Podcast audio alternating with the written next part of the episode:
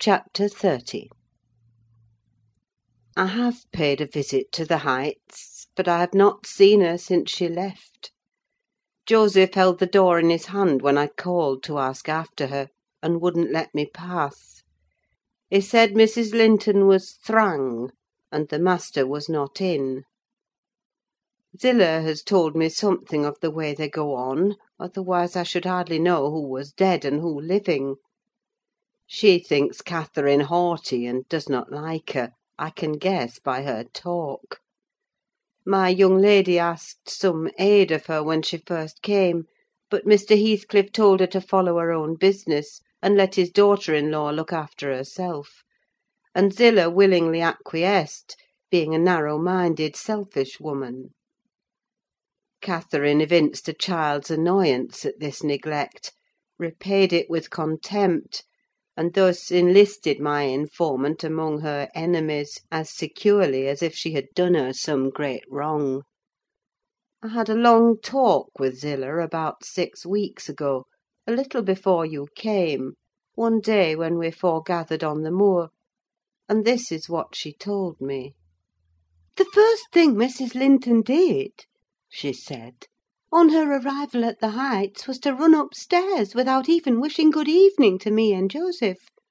She shut herself into Linton's room, and remained till morning. Then, while the master and Earnshaw were at breakfast, she entered the house, and asked all in a quiver if the doctor might be sent for: her cousin was very ill. "We know that," answered Heathcliff. "but his life is not worth a farthing, and I won't spend a farthing on him." "But I cannot tell how to do," she said; "and if nobody will help me, he'll die." "Walk out of the room," cried the master, "and let me never hear a word more about him. None here care what becomes of him. If you do, act the nurse; if you do not, lock him up, and leave him." Then she began to bother me, and I said I'd had enough plague with the tiresome thing: we each had our tasks, and hers was to wait on Linton. Mr. Heathcliff bid me leave that labour to her. How they managed together I can't tell. I fancy he fretted a great deal, and moaned hissel night and day; and she had precious little rest, one could guess by her white face and heavy eyes. She sometimes came into the kitchen all wildered like, and looked as if she would fain beg assistance. But I was not going to disobey the master: I never dare disobey him, Mrs. Dean. And though I thought it wrong that Kenneth should not be sent for, it was no concern of mine either to advise or complain, and I always refused to meddle. Once or twice, after we had gone to bed, I've happened to open my door again, and seen her sitting crying on the stairs top; and then I've shut myself in quick, for fear of being moved to interfere. I did pity her then, I'm sure; still I didn't wish to lose my place, you know. At last, one night, she came boldly into my chamber, and frightened me out of my wits by saying, 'Tell Mr. Heathcliff that his son is dying. I'm sure he is this time. Get up instantly and tell him.' Having uttered this speech, she vanished again. I lay a quarter of an hour listening and trembling: nothing stirred; the house was quiet. "She's mistaken," I said to myself. "He's got over it: I needn't disturb them." And I began to doze.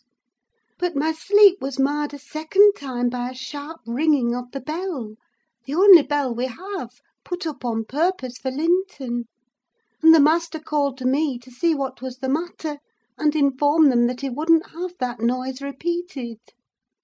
I delivered Catherine's message: he cursed to himself, and in a few minutes came out with a lighted candle, and proceeded to their room. I followed. Mrs. Heathcliff was seated by the bedside, with her hands folded on her knees. Her father in law went up, held the light to Linton's face, looked at him, and touched him. Afterwards he turned to her.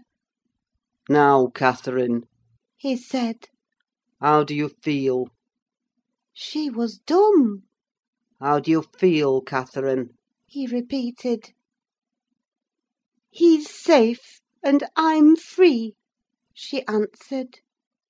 "I should feel well, but," she continued, with a bitterness she couldn't conceal, "you have left me so long to struggle against death alone, that I feel and see only death. I feel like death." And she looked like it, too. I gave her a little wine. Hareton and Joseph, who had been wakened by the ringing and the sound of feet, and heard our talk from outside, now entered. Joseph was fain, I believe, of the lad's removal. Hareton seemed a thought bothered, though he was more taken up with staring at Catherine than thinking of Linton. But the master bid him get off to bed again: we didn't want his help. He afterwards made Joseph remove the body to his chamber, and told me to return to mine, and Mrs. Heathcliff remain by herself. In the morning he sent me to tell her she must come down to breakfast. She had undressed, and appeared going to sleep, and said she was ill, at which I hardly wondered. I informed Mr. Heathcliff, and he replied, Well, let her be till after the funeral, and go up now and then to get her what is needful; and as soon as she seems better, tell me. Cathy stayed upstairs a fortnight, according to Zillah, who visited her twice a day, and would have been rather more friendly, but her attempts at increasing kindness were proudly and promptly repelled. Heathcliff went up once to show her Linton's will. He had bequeathed the whole of his, and what had been her, movable property to his father. The poor creature was threatened or coaxed into that act during her week's absence, when his uncle died. The lands, being a minor, he could not meddle with. However, Mr. Heathcliff has claimed and kept them in his wife's right, and his also: I suppose legally. At any rate, Catherine, destitute of cash and friends, cannot disturb his possession. "Nobody," said Zillah, "ever approached her door, except that once, but I; and nobody asked anything about her. The first occasion of her coming down into the house was on a Sunday afternoon. She had cried out, when I carried up her dinner, that she couldn't bear any longer being in the cold; and I told her the master was going to Thrushcross Grange, and Earnshaw and I needn't hinder her from descending. So, as soon as she heard Heathcliff's horse trot off, she made her appearance, donned in black, and her yellow curls combed back behind her ears as plain as a Quaker: she couldn't comb them out.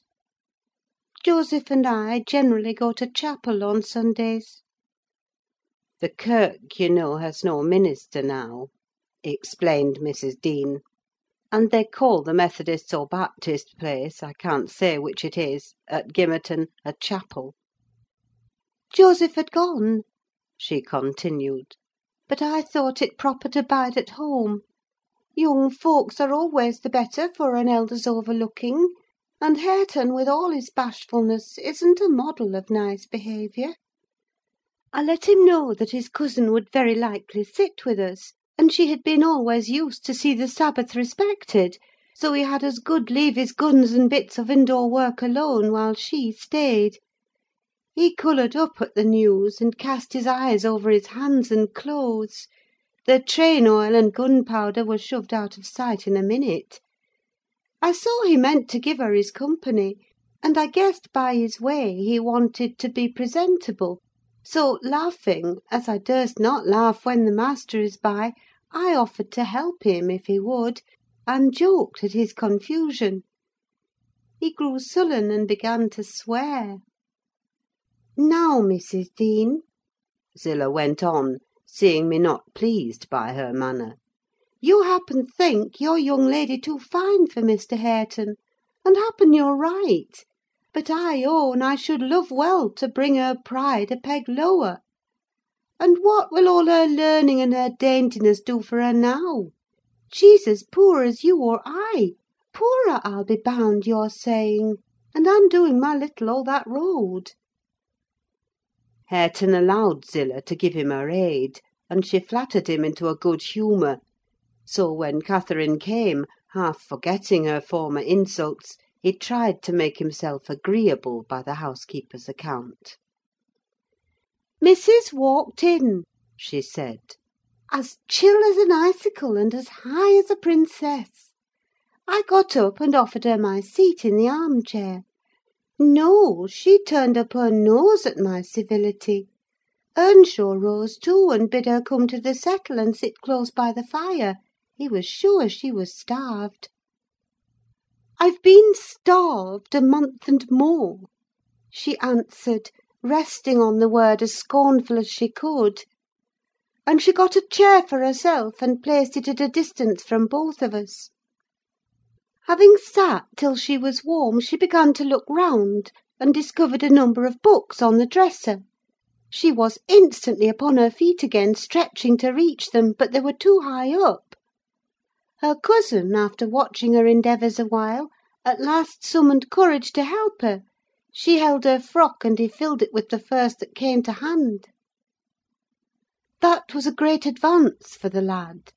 She didn't thank him; still he felt gratified that she had accepted his assistance, and ventured to stand behind as she examined them, and even to stoop and point out what struck his fancy in certain old pictures which they contained; nor was he daunted by the saucy style in which she jerked the page from his finger.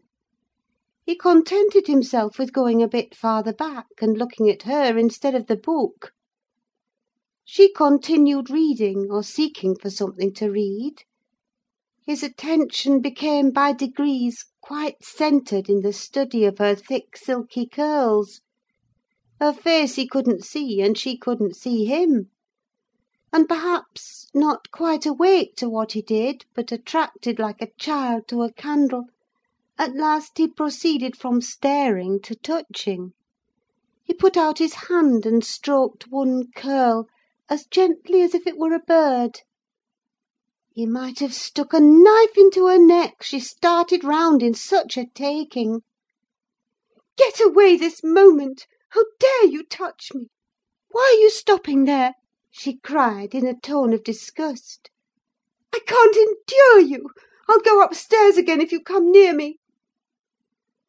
Mr. Hareton recoiled, looking as foolish as he could do. He sat down in the settle very quiet, and she continued turning over her volumes another half hour. Finally Earnshaw crossed over and whispered to me. "Will you ask her to read to us, Zillah? I'm stalled of doing now, and I do like—I could like to hear her. Do not say I wanted it, but ask of yourself." "Mr. Hareton wishes you would read to us, ma'am," I said immediately. "He'd take it very kindly: he'd be much obliged." She frowned, and looking up, answered, "Mr. Hareton, and the whole set of you, will be good enough to understand that I reject any pretence at kindness you have the hypocrisy to offer. I despise you, and will have nothing to say to any of you. When I would have given my life for one kind word, even to see one of your faces, you all kept off. But I won't complain to you. I'm driven down here by the cold, not either to amuse you or enjoy your society." "What could I have done?" began Earnshaw. "How was I to blame?" "Oh, you are an exception," answered Mrs. Heathcliff. "I never missed such a concern as you." "But I offered more than once, and asked—" he said, kindling up at her pertness. "I asked Mr. Heathcliff to let me wake for you." "Be silent! I'll go out of doors, or anywhere, rather than have your disagreeable voice in my ear," said my lady. Hareton muttered she might go to hell for him, and unslinging his gun, restrained himself from his Sunday occupations no longer. He talked now freely enough, and she presently saw fit to retreat to her solitude; but the frost had set in, and, in spite of her pride, she was forced to condescend to our company more and more. However, I took care there should be no further scorning at my good nature. Ever since, I've been as stiff as herself, and she has no lover or liker among us. And she does not deserve one; for let them say the least word to her, and she'll curl back without respect of any one.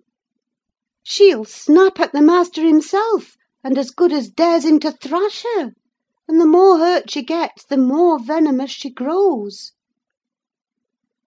At first, on hearing this account from Zillah, I determined to leave my situation, take a cottage, and get Catherine to come and live with me. But Mr. Heathcliff would as soon permit that as he would set up Hareton in an independent house; and I can see no remedy at present, unless she could marry again; and that scheme it does not come within my province to arrange.